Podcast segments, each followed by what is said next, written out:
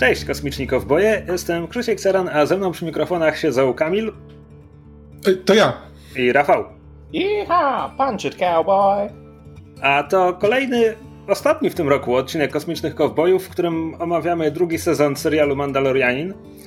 E, w tym, w tym odcinku na tapecie mamy ostatni odcinek, ósmy pod tytułem The Rescue. Ratunek wyreżyserowany przez Peytona Rida, który wraca po raz drugi w tym sezonie. E, jego był odcinek bodajże z panią Żabą i kosmopająkami, jeśli dobrze pamiętam. Hmm. E, to na początku bardzo ogólnie. Co sądzicie o finale? Podobał wam się? Nie podobał wam się? Czy tak, e, jak go oglądałem, mi się podobał. Potem zacząłem myśleć, what would Krzysiek say? I, i, na, i napełniło mnie dużo bardzo wątpliwości. I, I takich myśli, ale okej, okay, ale jak oni to dalej później wytłumaczą i, i co się dalej działo? że, że jeżeli się coś działo dalej, to czemu w tym, co wiemy, że się dalej działo, czemu to się nie było połączenia z tym, co się dalej działo z, z tą osobą? A ja mam jeszcze takie pytanie, czy udało wam się nie, nie zostać zaspoilowanym przed obejrzeniem? Tak, udało mi się. Widziałem tylko jakieś reakcje, że ktoś tam płakał, że, że he's back, czy, czy coś w tym stylu, ale, ale na szczęście uniknąłem. Mi się nie udało. Znaczy, znaczy nie, dostałem, nie dostałem bardzo konkretnie powiedziane, co się wydarzy, ale na tyle mocno, że jakby nie zostałem zaskoczony.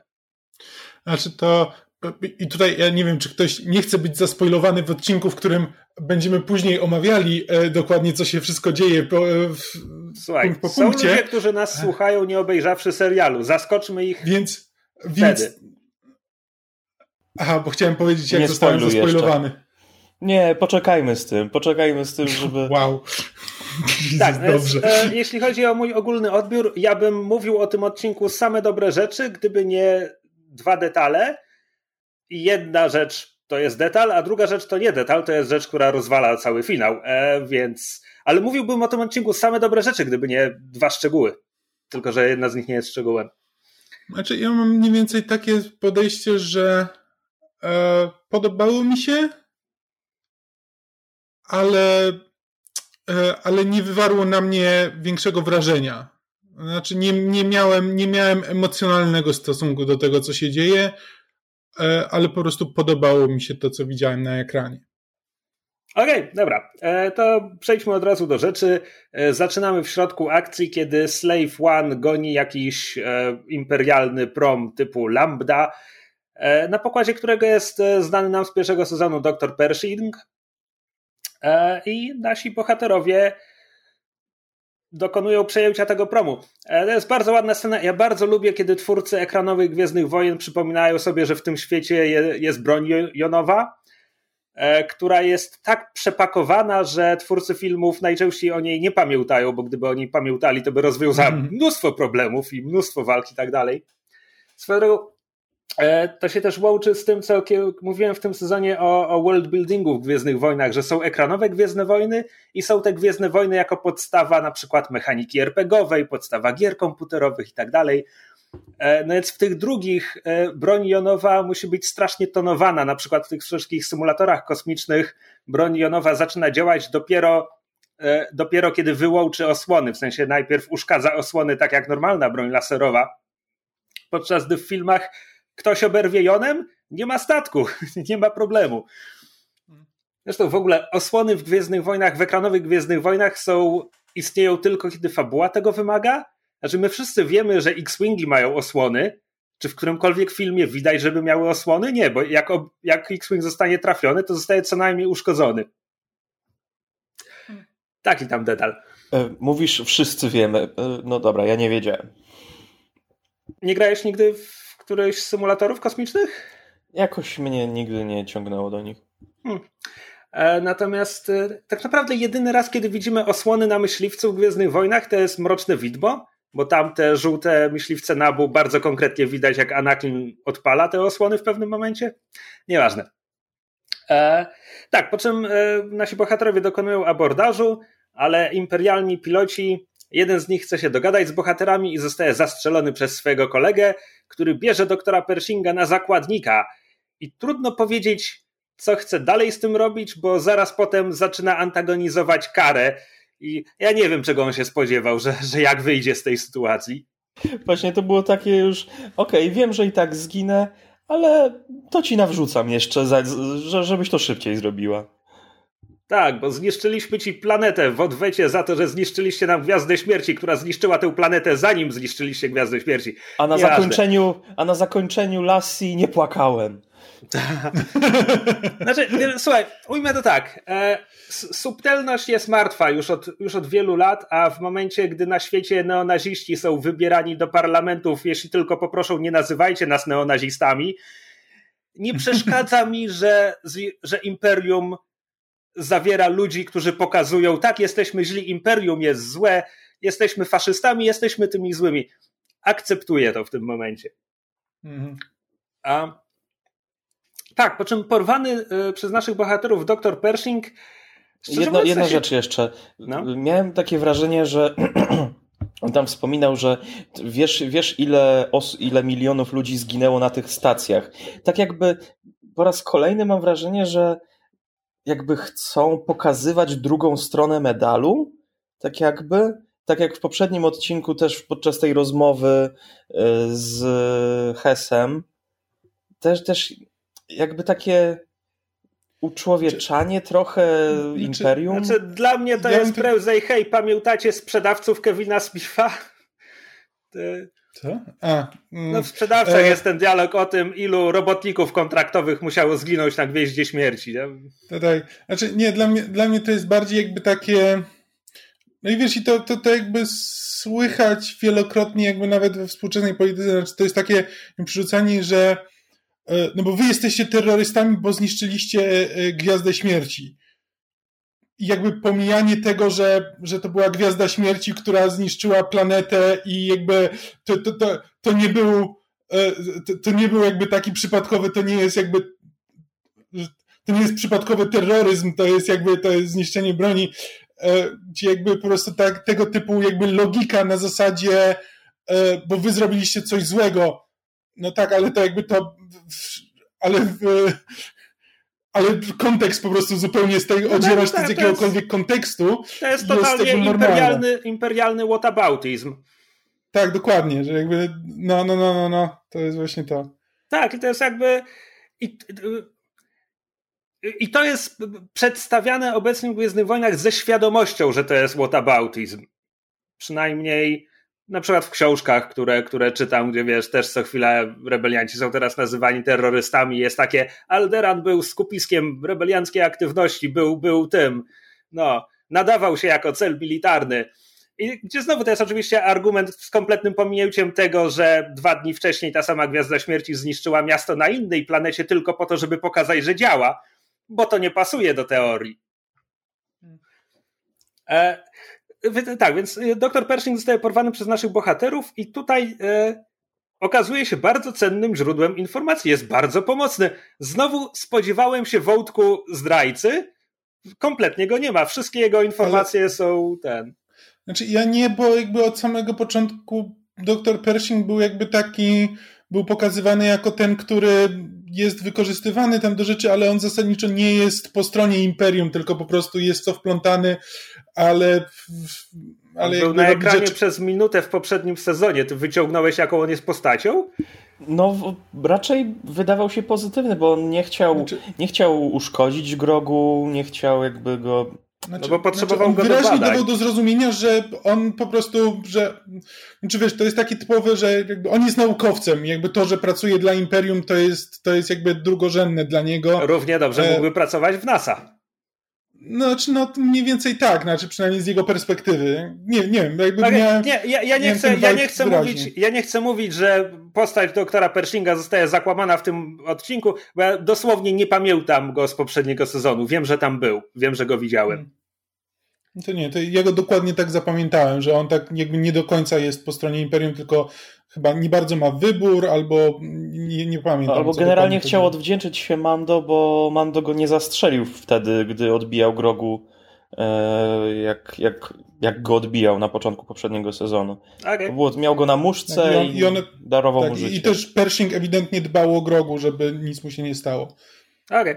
E, w każdym razie nasi bohaterowie teraz lecą po posiłki, loadują na nienazwanej planecie e, koło knajpy, koło której stoi mandaloriański myśliwiec.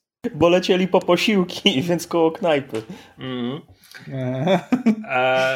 W tym momencie nie wiem, jak, jak one się nazywają. W każdym razie kojarzę ten design z Rebelsów, więc to znowu było takie na zasadzie: U, znam ten statek. Spoko. Takim fanserwis lubię.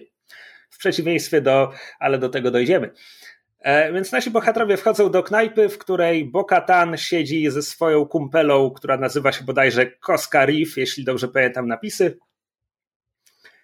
E, I próbują. Din Jarin próbuje ją na, nakłonić do, do pomocy. Bokatan zaczyna od nigdy nie znajdziecie Mofa Gideona, na co Din mówi właściwie to ten wiem gdzie mieszka. E, tam jest ciekawy moment, kiedy napięcie rośnie, kiedy Boba Fett wchodzi do, do knajpy, e, no i Bokatan ewidentnie go nie lubi, nie tylko nie uważa za prawdziwego Mandalorianina, właściwie nie uważa go za człowieka. Ten, ten tekst o tym, że widziała jego twarz miliony razy. I słyszała głos. No. no, słyszała głos, tak. Jakby ona, ona chyba ma trochę klony za, za podludzi. A może to jest kwestia tego, że byli sklonowani z kogoś, kto technicznie biorąc był Mandalorianinem. Tam chyba jest, na pewno w starym kanonie był wątek tego, że klony zaczęły przejmować dla siebie mandaloriańską tożsamość, ale to wszystko chyba wyleciało razem ze starym kanonem. A z wojen klonów nie znam większości wojen klonów, więc nie będę, nie będę twierdził, że jest tak albo inaczej. E, w każdym razie Boba i Koska zaczynają się naparzać. To jest mandaloriańska bójka, więc e, w ruch idą miotacze płomieni. Spoko, jest Właśnie, to absurdalne, ale akceptuję. Dwa miotacze płomieni, które się zderzają i Dragon Ball się przypomina. Tak, tu, tu, albo Naruto. Jesteśmy na terytorium shonen anime kompletnie.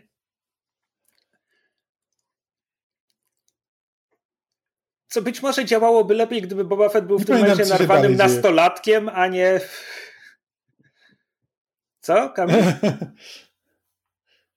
Nie, nic, nic nie. Powiedziałem, że nie pamiętam do, nawet, co się dalej dzieje, jak oni, co, co się dzieje dokładnie po, po, po opuszczeniu tej knajpy. E, ale tak, ale no to, potem, że, potem Dean mówi, że, bo, że obie... zabrali małego. Chyba mamy lekki lak. Mam wrażenie, że zaczynamy nachodzić na siebie. Ja na pewno mam twój obraz trochę spóźniony, jeśli chodzi tak. o w porównaniu do głosu twojego. Dobra, to spróbujmy kontynuować ostrożnie. E, w każdym razie e, Din Djarin uspokaja nastroje razem z Bokatan i wtedy siadają nad holograficzną mapą. Wtedy dr Pershing im wszystko mówi, gdzie, gdzie na pokładzie statku Gideona jest trzymany Grogu. E, no i w tym momencie podaje też jakby największe zagrożenie, którym są Dark Trooperzy. Tutaj jest znowu delikatny fanserwis, bo ktoś w tym momencie pyta o tym, na co z pilotami tych Dark Trooperów i w odpowiedzi jest takie, pilot był najsłabszym elementem, to jest tam etap trzeci projektu, czy faza trzecia, czy cokolwiek, czyli wracamy do Dark Trooperów z gry Dark Forces z lat 90., gdzie bardzo konkretnie była mowa o Dark Trooperzy Phase 1, Phase 2, Phase 3. Mamy też powiedziane od razu, że oni są wyłączeni i że uruchomienie ich zajmuje chwilę. Nie bardzo długą chwilę, ale chwilę. Tak. No, po czym nasi bohaterowie układają plan. Plan zasadniczo wygląda tak, że Boba odwraca uwagę, cała reszta odwraca uwagę jeszcze bardziej, a jak już wszyscy odwrócą uwagę, to wtedy Dean pokryją mu się prześliznie przez cały okręt i, i odbije grogu ale jeżeli najpierw uwaga jest odwrócona, a potem odwrócą ją jeszcze raz, to będzie znowu w tym miejscu, gdzie była. No i widzisz, mniej więcej tak to wypada. stopni. I zaraz potem przechodzimy do akcji. E, I znowu, czy to podpada pod fanserwis, jeśli bohaterowie wykorzystują plan z powrotu Jedi, bo lecą ukradzionym promem, promem Lambda, żeby od ten Imperium e, zmylić? E, być może. Bez przesady. W każdym razie, w każdym razie tak, wyskakują z nadprzestrzeni, Boba w Slave'ie znaczy, jeden. Przepraszam, nie, nie wyobrażam sobie jakby, znaczy to są Gwiezdne Wojny, więc pewnie gdzieś ktoś taki jest, ale trudno mi sobie wyobrazić fana Gwiezdnych Wojen, który patrzy na ekran i, wie, i robi ten e, e, ten gif z Leonardo DiCaprio. E, tak! Prom Lambda! Yes! Nie wiem, o którym klifie mówisz. Nieważne, ale w każdym razie e, chodzi mi o to, że jakby fan serwis jest po to, żeby wywołać jakby właśnie taką reakcję, a nie to, że widzisz prom, który znasz z filmów i go poznajesz, więc jakby nie, nie podpinałbym to pod fanserwis. Okej. Okay. Znaczy, ujmę to tak. Ja wolę ten fanserwis, kiedy po prostu w Mandalorianie są designy statków, które znam. Znaczy, tak, ale to, to, to jest world building, nie fanserwis. To jest po prostu jakby element tego, że jakby to jest ten sam świat, co Gwiezdne Wojny a nie jest to wrzucane po to, no żeby no tak, wywołać ale, w tobie ale, emocjonalną reakcję. Ale w tym momencie ten konkretny model pojawia się dokładnie w tym samym kontekście, w takiej samej intrydze, jest wykorzystany do tego samego, co w powrocie Jedi. Eee, no okej, okay. dobra, dobra, I see your point. Lawyer. Nawet tego nie skojarzyłem. E, w każdym razie Boba ostrzeliwuje prom, e, z promu ktokolwiek go pilotuje nadaje prośbę o awaryjne loadowanie na pokładzie okrętu Gideona, e, na co Gideon się nie zgadza, nakazuje wystrzelić myśliwce Taj, a nasi bohaterowie loadują tak czy inaczej. W każdym razie widać, z jednej strony widać, że Gideon reaguje natychmiast, bo od razu każe wysłać myśliwce, zaraz potem każe uruchomić Dark Trooperów, a z drugiej strony wciąż nie wygląda na gościa, który jest na to wszystko przygotowany po tym, jak jego przeciwnik wysłał mu holograficzną, perfumowaną kartkę pod tytułem Przyjdę cię zaatakować. W każdym tak, razie. To, to, w ogóle jest, to w ogóle jest właśnie absurdalne, że oni wymyślają ten plan na zasadzie, że będziemy udawać jakby prom imperialny, e, o którym oni nie wiedzą, który potrzebuje ich pomocy i musi wlecieć na pokład, kiedy parę dni wcześniej wysłaliśmy mu kartkę, że cię zaatakujemy. To trochę tego nie przemyśleli. No, tak. Mam wrażenie, razie... że ta kartka była dogrywana już po tym, jak wymyślili fabułę ostatniego odcinka. Coś w tym Ta, ta jest. scena właśnie, no brakowało im, nie wiem, minuty odcinka, no. Ta, ta, tę scenę należy traktować jako, nie wiem, scenę snu czy czegoś. To jest, tylko, to jest tylko dla widzów, po to, żeby widzowie wiedzieli, że w następnym odcinku będzie konfrontacja z Gideonem, żeby przypomnieć, że to jest główny wilen tego sezonu, bo widzimy go w raz na parę odcinków na y, pół minuty, więc łatwo o tym zapomnieć. Więc to jest tak naprawdę tylko takie przypomnienie dla widzów, a nie coś, co się wydarzyło rzeczywiście w fabule, bo jeśli uznamy, że to się wydarzyło w fabule, to, to, to trochę przestaje mieć sens. Tak. W każdym razie Boba zrobił swoje, Boba może odejść, bo skacze w nadprzestrzeń i już go nie zobaczymy w tym odcinku do czasu. E, a nasi bohaterowie rozbijają się promem w hangarze, no i najpierw Cara Dune, Fennec Shand, Bo-Katan i Koska Reef wypadają i zaczynają strzelać do wszystkiego, co się rusza. I to jest kolejne 10 minut odcinka. Mhm. Swoją drogą, trochę mi to przypomniało, kojarzycie w ostatnich Avengers, jak jest ta scena, gdzie wszystkie bohaterki bronią Spidermana i to jest ten girl power, który sprowadza się do tego, patrzcie, po 20 filmach wszystkie nasze bohaterki wciąż mieszczą się w jednym kadrze i to nie jest zatłoczony kadr. Tutaj z jednej strony tak, to jest czteroosobowy oddział kobiet, ale poznaliśmy je w tym serialu, miały rolę w tym sezonie, jest to dużo bardziej naturalne. I to, na, i to wciąż. Nie zwróciłem nawet na to uwagi, więc jakby. I to nawet wciąż nie są wszystkie bohaterki, które mogłyby kopać tyłki w tej scenie, no, bo, ja, bo ja nie te, ma tu wszystkich też, postaci. Też to zauważyłem właśnie. Miałem no, takie, kurde, szkoda, że Mayfelda tu jeszcze nie ma. Chociaż. E, w każdym razie tak, więc one biegną, kopią tyłki, jest tam krótki wątek o tym, że każe zacina się karabin i ma przez to Właśnie. mały problem. Jak blaster laserowy może się zaciąć fizycznie? Nie może. To jest po prostu, to jest znowu ten element tego, że e, Gwiezdne Wojny to jest, jest druga wojna światowa, tylko z laserami, więc no, jakby czekaj, broń no, się zacina, bo... To wciąż ma spust, który musisz pociągnąć, tam wciąż coś musi zaskoczyć ma elementy, które mogą się zaciąć. Ale nie mechaniczne. Ale to wszystko jest elektronika bardziej, a nie, że coś ale, tam się rusza. No. Ale, no czekaj, czekaj, ale przecież. Jest bardziej przycisk. Spust one, jest bardziej one, przyciskiem. Ale one strzelają sprężonym gazem Tibana, który zapala się w lufie i jakby. To, to nie jest przecież laser. Eee... A. Okej, okay. spoko. Możecie okay. mi wierzyć na słowo. Mogłeś to razie. zmyślić w tym momencie. tak. Owszem, mogłem. A, tak, więc to jest, to jest kolejne 10 minut. Jest to całkiem porządna akcja. Jest tam bardzo ładny manewr, kiedy Mandalorianki spadają z mostu po to, żeby potem wzlecieć na jetpackach i zaskoczyć szturmowców od tyłu. Jest tam parę ładnych akcji. Wszystko spoko. Bardzo ekstra. E, w tym czasie Din Djarin opuszcza prom i idzie teraz już korytarzami zasłanymi przez martwych szturmowców. E, zanim dotrze do celi, w której jest Grogu, on ma jeszcze sidequest. On musi w jakiś sposób e, wyłączyć z gry Dark Trooperów. Ale kiedy dociera na miejsce, gdzie Dark Trooperzy są chowani, oni zdążyli się już aktywować. Tak, i aktywują się, aktywują się przy dźwiękach dubstepu. Tak, ale tak. wiesz co, pasowało, pasował mi ten podkład do nich. Jak oni byli na ekranie, bo to takie było...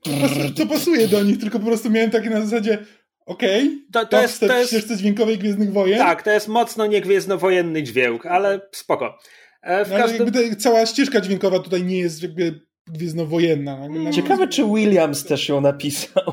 czy generalnie muzyka tam bardzo tak Williamsowo no nie, no, brzmiała. Wiem, wiemy, że cały serial ma muzykę Ludwiga Goransona. Wiemy, a okej. Okay. No, jest wymieniony w napisach każdego odcinka, więc tak, wiemy. Napisach? W każdym razie. E, więc Dean jest w stanie zablokować drzwi, ale e, najpierw jeden Dark Trooper się prześlizguje przez nie i tutaj mamy długą walkę, w której Dean służy za worek pięściarski zasadniczo. E, no bo ten Dark Trooper nim miota po prostu strasznie. Potem jest scena już niemalże, znowu mi się przypominają Avengers, jak Tony Stark bił się z Hulkiem i miał taki młot pneumatyczny w rełku zbroi. To, to Dean mniej więcej jest w pewnym momencie ofiarą czegoś podobnego bo tego droida to jakby blastery to po prostu się od niego odbijają, te gwiżdżące ptaki, małe rakietki też mu nic nie robią. No i dopiero kiedy Din sięga powłócznie z Beskaru, to okazuje się, że po prostu trzeba go dźgnąć patykiem i, i to starczy. Spoko. Ale też nie, ale też nie dźga go w zbroję, tylko no, pewnie. dźga go tak pod ten. Dźga go w kable, pod napierśnik. E, więc i to jest jakby, to jest spoko, to nam pokazuje jak, jaka to jest groźna bestia. E, no a potem Dean jest w stanie e, no, wyłączyć grawitację czy coś tam, tak że wszyscy, wszyscy Dark Trooperzy no, wylatują w no. przestrzeń. No. Śluzę, śluzę otwiera, tak, tego słowa mi zabrakło. Rozwiązując ten problem, ależ na pewno. No. W międzyczasie nasze bohaterki docierają na mostek, gdzie zabijają wszystkich, ale nie znajdują tam Gideona.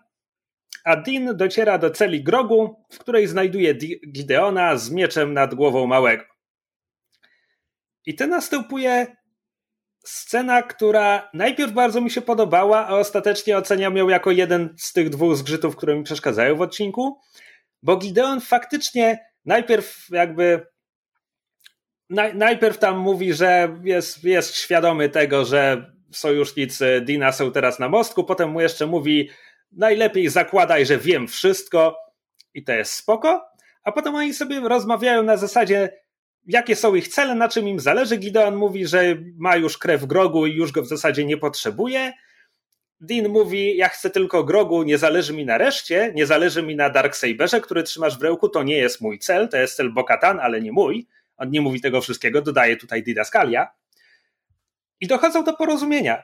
To ty weź grogu i się wycofaj już nie wchodź mi w paradę. Ja bym tak bardzo chciał, żeby ta scena tak się skończyła, żeby Gideon faktycznie był takim inteligentniejszym złolem, mhm. który wie, jakby skoro już nie potrzebuje grogu, to nie będzie tutaj, ale nie, oczywiście, jak tylko Dean złapał grogu, Gideon atakuje go w plecy i nawet nie jest na tyle inteligentny, żeby nie ciąć w bezkar. Tak. A w momencie, gdy wie wszystko, powinien wiedzieć, że to nie wyjdzie. Tak, a jeszcze jedna rzecz, która mi nie pasowała właśnie w scenie walki. On tego miecza używa właśnie nie tak, jakby to był miecz świetlny, tylko bardzo tak, tak jakby rzeczywiście był stalowy i miał swój ciężar i tak naparza nim jakby, jakby ten miecz miał ciężar swój, a nie, był, las, a nie był laserowy. To znaczy, jak, obejrzy, jak, się, jak zwracasz na to uwagę w oryginalnej trylogii, to też tak machają mieczami świetlnymi. Znaczy, Luke Skywalker w powrocie Jedi, jak już Vader leży, to po prostu zaczyna rąbać mieczem, jakby to była siekiera. Okej, okay, jakoś nie pamiętałem plus, tego może. No. Plus, najpierwszy pomysł George'a Lucasa był taki, żeby te ostrza miały ciężar. W sensie, on to jakoś tłumaczył, że mają własną grawitację czy coś tam mhm. i tralala. W każdym razie on miał taką wizję znaczy, bo te miecze, te miecze to są zasadniczo katany. Jakby to jest wszystko, jakby Gwiezdne Wojny to jest, to jest film samurajski, więc tak, no te, te, te miecze teoretycznie nie mają wagi, ale, ale walczy się nimi tak, jakby samuraje no Tak, poza tym wiesz, tnął wszystko, chyba że akurat tego nie tnął, bo jakby nie potrzeba magicznego bezkaru, bo znowu jak obejrzysz oryginalną trylogię, to miecze świetlne czasem odbijają się od zwykłych barierek, nie przycinając i jakby miecze świetne działają tak, jak akurat chce ich twórca lub tak, jak akurat wyszło. Okay. W każdym razie no więc wolałbym, żeby Gideon był inteligentnym przeciwnikiem, który do, ułoży się z naszym bohaterem, zamiast atakować tak go naprawdę... zdradziecko. W momencie, kiedy atakuje go zdradziecko, chciałbym, żeby przynajmniej był pokazany jako inteligentny i groźny, to znaczy, żeby przynajmniej zranił Dina, żeby wiedział, że ma ciąć między bezkarowe płyty, bo tak naprawdę nic z tym nie osiąga. Jakby przegrywa wszystko, co miał parę kart w ręku, wszystkie traci, nic mu nie wychodzi.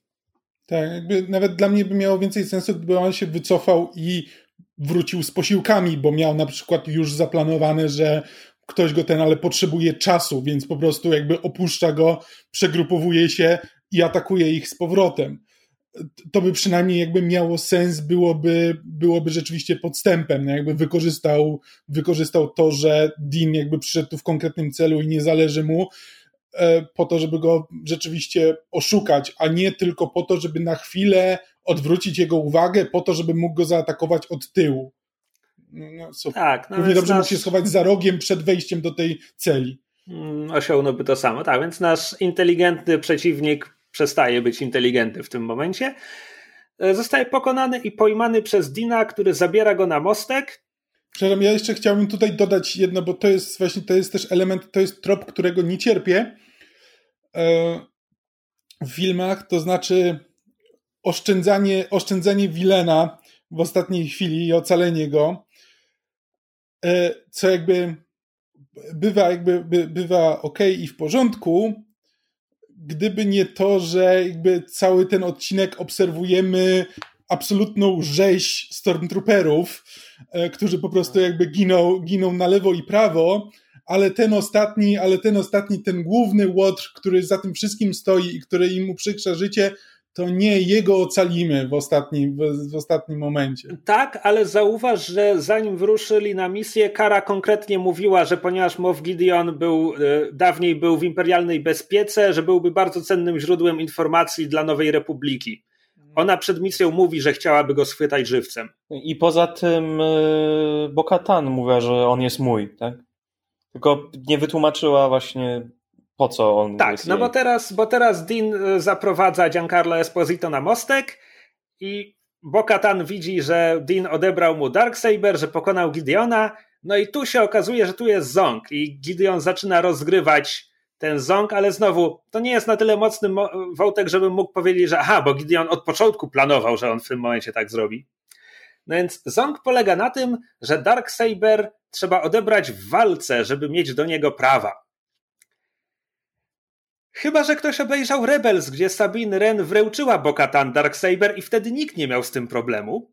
Więc nie mogę się doczekać, kiedy za rok dowiem się z kolejnego sezonu Mandalorianina, czemu w tym momencie klauzula kodeksu honorowego Mandalorians ogłasza, że oni muszą odebrać tę broń w walce, chociaż 10 lat temu tak nie było. Poza tym, jakby widzimy, że na przykładzie walki z Gideonem widać, że ta walka nie musi być na śmierć więc tak naprawdę, i jakbym, mam to nawet w pewnym momencie mówić, że okej, okay, więc, więc się poddaję. E, więc okej, okay, no to walnij ten, stuknijcie się parę razy włócznią i w ten, włócznią i mieczem e, i, i będzie po sprawie. No jakby, no okej. Okay. Tak, więc jakby na papierze to jest spoko pomysł, żeby podbić jakby, dodać jakąś niepewność do relacji tych pozytywnych bohaterów. No niestety jakby jest to sztuczne, jest to wbrew czemuś, co było w poprzednim serialu. pewnie zostanie to jakoś wytłumaczone, no tylko w tym momencie to jest dla mnie takie mm, na siłę.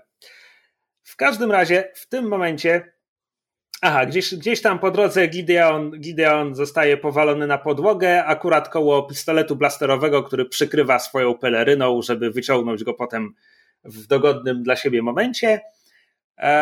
Zaczyna być wyczuwalne napięcie między Bokatan i, i Dinem, ale w tym momencie ich uwagę odwraca sygnał, że oto przybyły imperialne posiłki.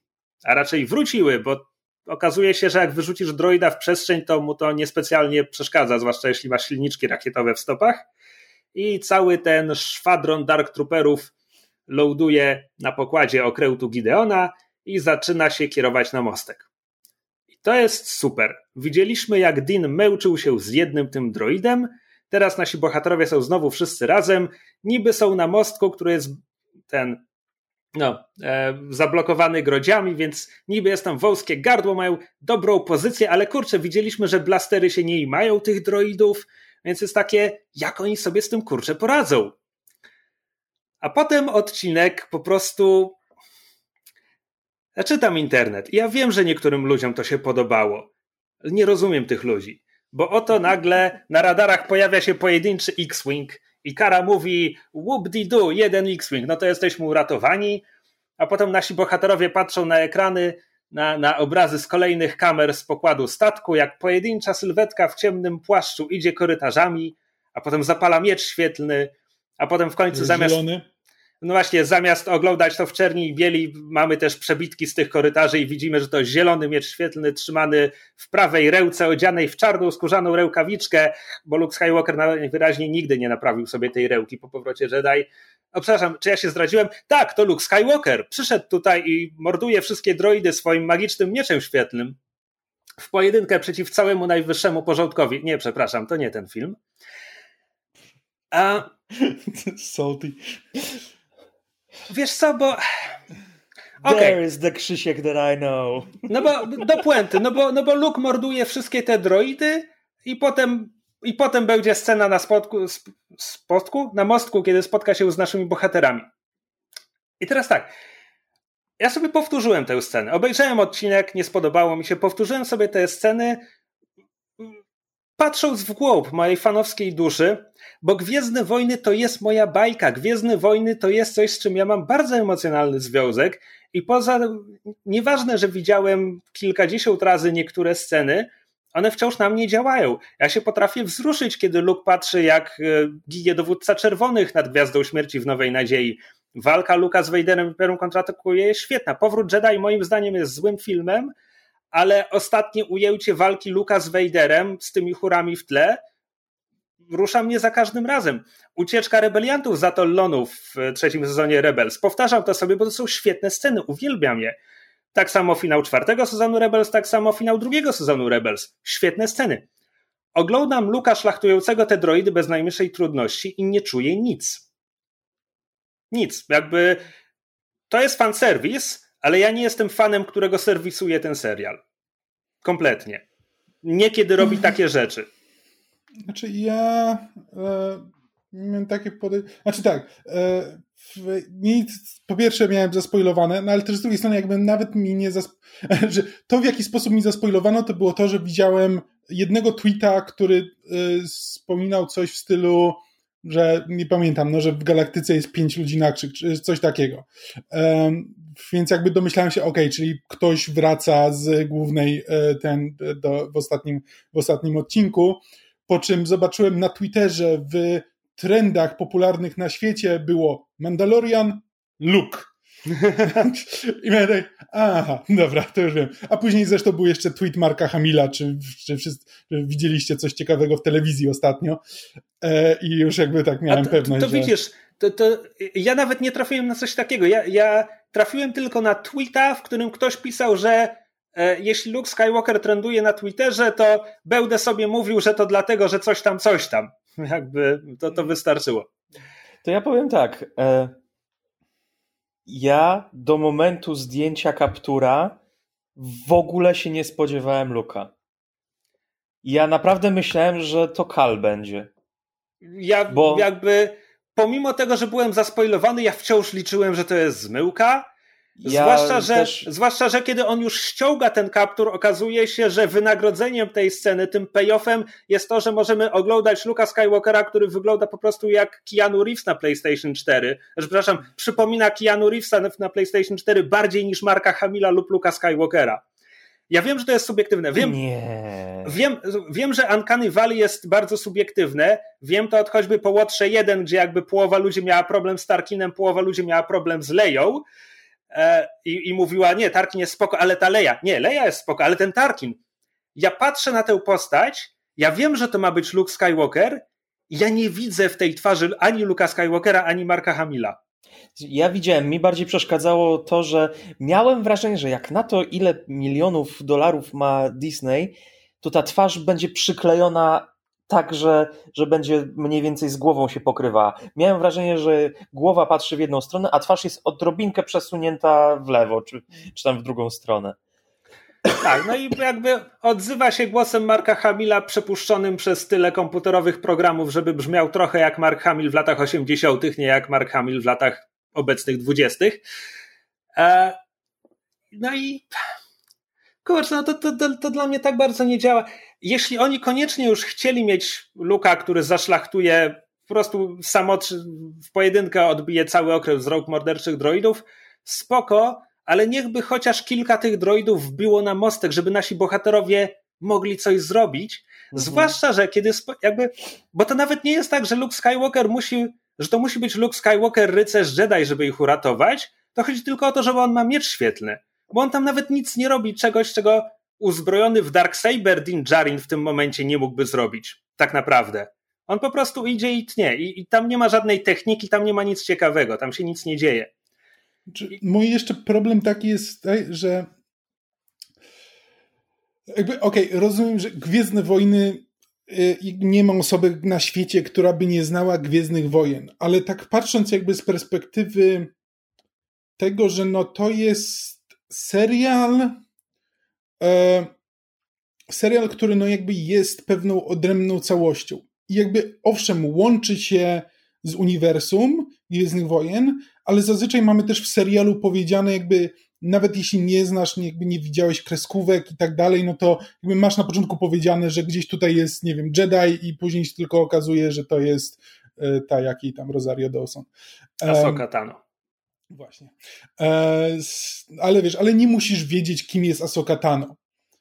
Natomiast tutaj jakby pojawienie się Luka jest po prostu, znaczy i znowu, nie ma osoby, która by nie wiedziała, kim jest Luke Skywalker.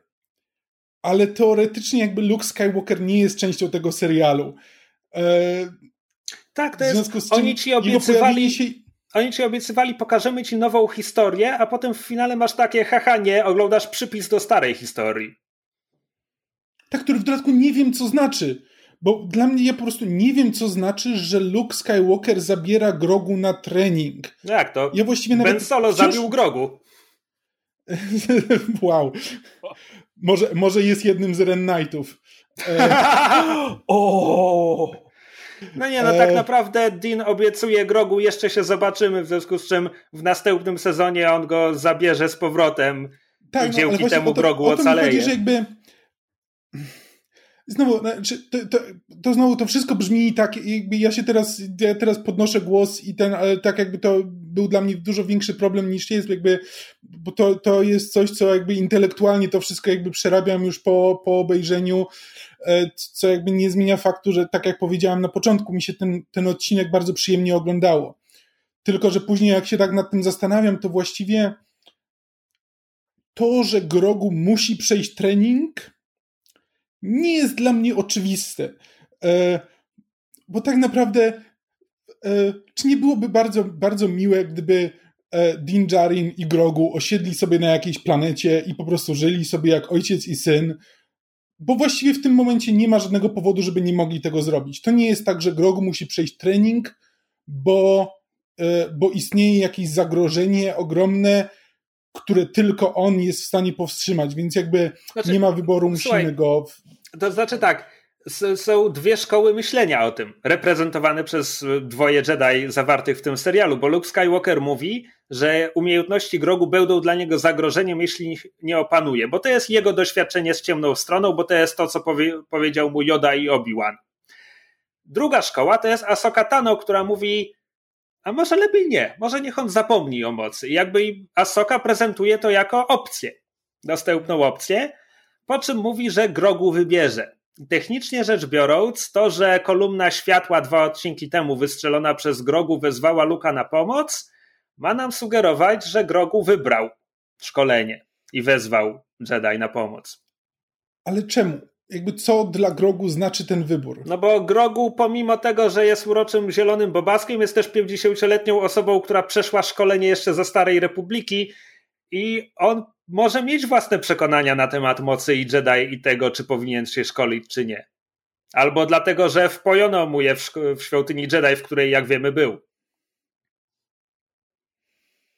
Znaczy, to jest po prostu ten problem z tym, że Grogu no, jest jednocześnie maskotką i postacią i jakby no, nie możemy dostać jakby żadnego e, wejrzenia jakby w, w to, co on myśli na temat wszystkiego, co się dzieje. No jak to? Te wielkie, ciemne oczy nie mówią ci wszystkiego? Czy twórcy serialu uważają, że te wielkie, ciemne oczy mówią nam wystarczająco tyle, ile potrzebujemy?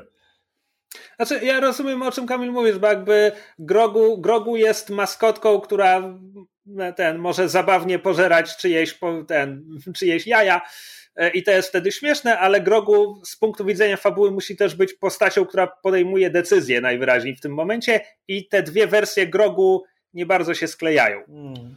Czy tak. I trzecia, trzecia sprawa jest też taka, że hmm, czy Luke Skywalker jest najlepszym mentorem dla Grogu w tym momencie? Jeśli mówimy o tym, że to jest, że jakby Grogu potrzebuje jakiegoś ukierunkowania tego, a Luke jest tą postacią, która zawsze trochę miała tak na, nie była do końca pewna, co znaczy bycie Jedi i e, w, gdzie tu jest, gdzie jest ta równowaga pomiędzy jasną, ciemną stroną, czy być Jedi, czy nie być no. Jedi, co właściwie Jedi ma robić i tak dalej. No w tym momencie Może wiemy, dlatego właśnie on... jest najlepszym mentorem. Może właśnie wpoi mu trochę tak, takiej ambiwalencji co do Jedi nie będzie, nie będzie tak jak z Rey, nie będzie, nie będzie mu mówił, że Jedi są najlepsi i musisz się nauczyć mocy po to, żeby móc chronić galaktykę. No tak, tylko jak, jak wiemy z ostatniego Jedi, Luke musi najpierw ponieść klęskę ze swoją akademią, zanim się tego nauczy. Dlatego Grogu musi zginąć. W każdym razie, e, to znaczy tak, e, jeszcze wracając do tego bo to nie jest mój problem z tą sceną. Jakby dla mnie wciąż problemem jest samo wprowadzenie Luka na scenę, bo to jest jakby, odwracając sytuację, to jest trochę tak, jak oglądasz Nową Nadzieję, oglądasz Imperium kontratakuje, oglądasz Powrót Jedi i nagle Asoka Tano przylatuje na drugą Gwiazdę Śmierci i zabija Palpatina i wypada z tej historii. I masz takie, spoko, Wiem z Clone Warsów, kim ona jest. Tak, to ma sens, że ona by tutaj przyleciała, prawda? Bo ona lubiła Anakina, w sumie to Palpatine był wszystkiemu winny. To ma sens, że ona tu wpadła i go zabiła ale to była historia Luka? I, i czuję się trochę oszukany w tym momencie. No, Więc to tak, jest mój, dobre porównanie. To jest mój jeden problem. No a mój drugi problem jest taki, że jak się zastanawialiśmy te dwa czy trzy tygodnie temu, kto może przylecieć po grogu i kto go wyszkoli, i tak sobie mówiliśmy, że a może Asoka wróci, a może Cal Kestis, a może ten cały Ezra Bridger, a może on wybierze, że nie chce się szkolić i zostanie z Mandalorianami. I to są cztery opcje, z których dla mnie każda byłaby ciekawsza od no ten jeden Jedi, o którym obejrzeliśmy już trzy filmy, po niego przyleci, bo to jest takie. No ja wiem, że to ma sens, ale to jest nudny sens. No to jest najprostsze rozwiązanie w, te, w tym momencie, tak? Jest to najpotężniejszy Jedi, który ma jakby za, teraz ma cel szkolić nowych Jedi, młodych tak? No, najpotężniejszy Jedi trochę walkowerem, bo no, nie, tak. bardzo, nie bardzo jest konkurencja. No, no, ale nie zmienia to faktu. No, on teraz ma szkołę, nową akademię dla Jedi i no to jest, wiesz, no to jest najprostsze rozwiązanie, no, a zazwyczaj najprostsze rozwiązania no, tylko właśnie, ono jest na tyle proste, że jest trochę nudne nie, nie wiem, czy widzieliście, bo wśród, y, wiesz, jak internet typował, kto to może być, to całkiem wysoko w różnych tych y, ankietach i tak dalej była propozycja, żeby to był Mace Windu. I na, i na pierwszy rzut oka to jest takie, ale on zginął i w ogóle. A na drugi rzut oka to jest takie, jeśli Darth Maul może przeżyć przecięcie w pół, a Windu stracił tylko rękę i jest, wypadł przez jakieś okno i nigdy nie widzieliśmy ciała, a Samuel L. Jackson... Widzieliśmy nawet w, tym, w, tym, w tej samej serii filmu widzieliśmy Anakina spadającego kilkaset metrów i lądującego na samochodzie i nic mu się nie dzieje, więc jakby tak, Jedi tak. są w stanie to przetrwać no. ewidentnie. Luke w mieście w chmurach oczywiście. E, plus Samuel Jackson lubi jakby pojawiać się na koniec jakiegoś filmu i mówić jakiś badasowy tekst. No jakby... typu use the force, motherfucker. więc... No i znowu, jakby na pierwszy rzut ucha myślę sobie, przecież to byłoby absurdalne, nie jeszcze jego wskrzeszać. Ale jak miałbym wybierać między tym i komputerowym Luke'em Skywalkerem, który wpadnie tutaj, jakby.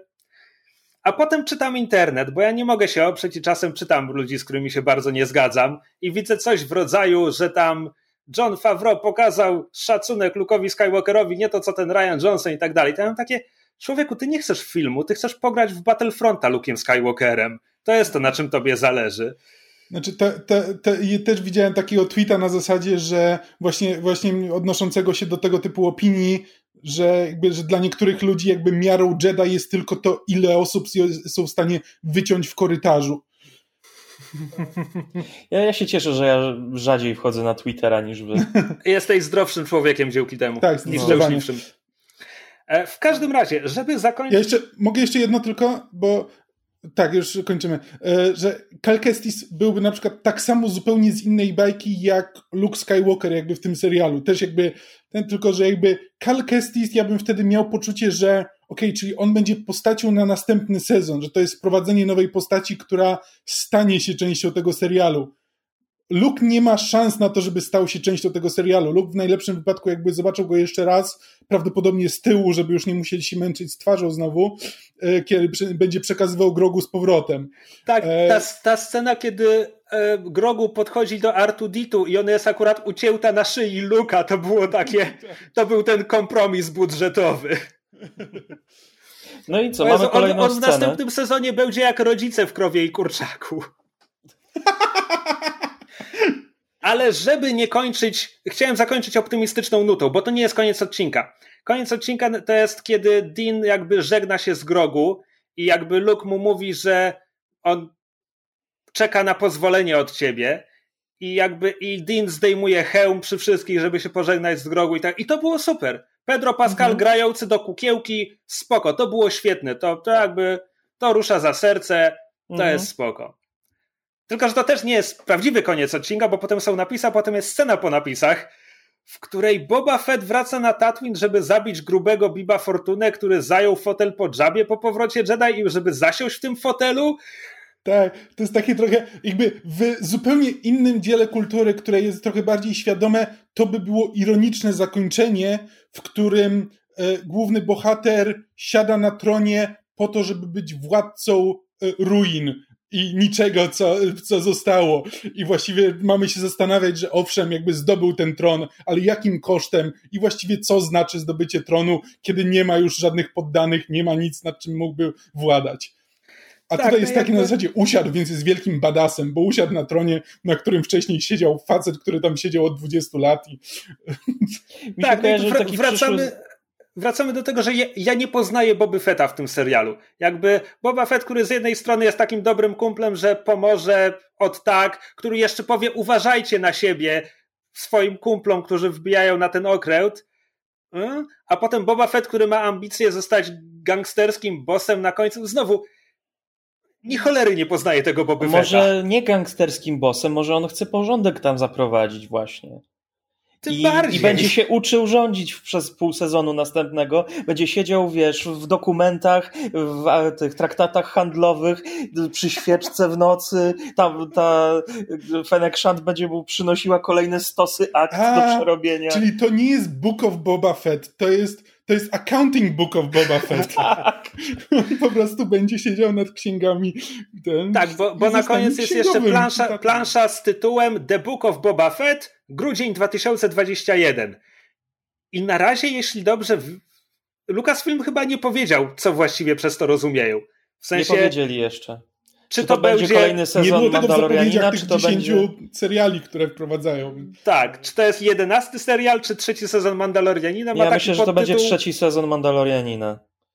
To będzie da, dadzą, bardzo dziwne. Minie trochę czasu, dadzą, dadzą Grogu czas, żeby trochę podrósł i przeszedł szkolenie i wróci potem w którymś sezonie znowu z Dinem Jarinem i już jako mówiąca postać, myślę. Aha, w sensie Bo... ty, ty, ty typujesz, że w przyszłym roku Mandalorianin będzie po prostu o Boba Fecie? Tak, ja tak typuję. I, okay. a, a potem myślę, że się okaże, że rozwój, rozwój tej rasy y, i świadomość jest sprzężona z tym, jak opanował moc. Że Joda był taki stary, bo już był wyszkolony w mocy, a ten mimo 50 lat życia jest nadal dzieckiem, bo jeszcze nie potrafi panować nad mocą. I przejdzie, wiesz, to szkolenie i będzie miał taki rapid growth świadomości i, i umiejętności i generalnie przejdzie no, dojrzewanie. Skoro, skoro w tym odcinku zaczęliśmy już wchodzić na teren shonen anime, widzę to nie jest to wykluczone, jakby absolutnie. Dobra, czas kończyć. Ten drugi sezon był cholernie nierówny. Są tu odcinki, które były bardzo spoko, są tu odcinki, które mi się strasznie nie podobały, jak były, były odcinki, które ci się podobały i były chujowe. Znaczy, tak. Ja, ja już to mówiłem jakby przy, przy poprzednim odcinku, ale dla mnie po prostu ten sezon jest y, rozstawianiem pionków na mapie i jest tylko wprowadzeniem do czegoś większego ani miałem wrażenia, że jest jakąkolwiek całością spójną. No tak, tylko że to jest mój największy rozkłada pionki do czegoś większego i, i potem wskazuje, że to większe coś będzie gdzie indziej niż się kierujemy, bo będzie Boba Fett. No. Znaczy ja myślę, że jakby to będzie jakby o Boba Fetcie, ale Din Djarin jakby reszta będą się tam pojawiali i to będzie się przeplatało. Tylko po prostu jakby będziemy to oglądali bardziej z perspektywy Boba Fetta, ale wciąż te wydarzenia będą miały swoją kontynuację. Czy ja myślę, że Disney uznał, że więcej prędzej Boba Fett ma więcej fanów niż Din Djarin. Ludzie, którzy no myślę, że Boba Fett po prostu przyciągnie więcej widzów. Bardzo możliwe. No. I tym optymistycznym akcentem mm. to już wszystko, co mamy tak. do powiedzenia w tym odcinku i w tym sezonie Kosmicznych Kowbojów, który tradycyjnie, jak każdy poprzedni sezon Kosmicznych Kowbojów, jest ostatnim odcinkiem, tfu, ostatnim sezonem. Już nigdy nie wrócimy do tego podcastu, on jest martwy, pożegnajcie się na dobre. No, miło było was znać. E, no tak, bo my A, też już się nigdy nie spotkamy. Nie zobaczymy. No tak. No. No, wiadomo, okay, spotkaliśmy dobra. się przypadkiem przy tym ognisku w jedną kosmiczną noc i teraz się rozjedziemy w swoje strony. Każde w stronę zachodu słońca, ale to będą trzy różne strony. No. Jak, jak, jak, jaka planeta ma trzy słońca, Krzysiek? E, ta z problemu trzech ciał Lucisina, nie pamiętam jak się nazywa. Trisolaris. Pamiętam, no to, to akurat proste. każdy może iść w kierunku swojego zachodu słońca. To cześć. No, na razie. No. Okej, okay, na razie. See you never.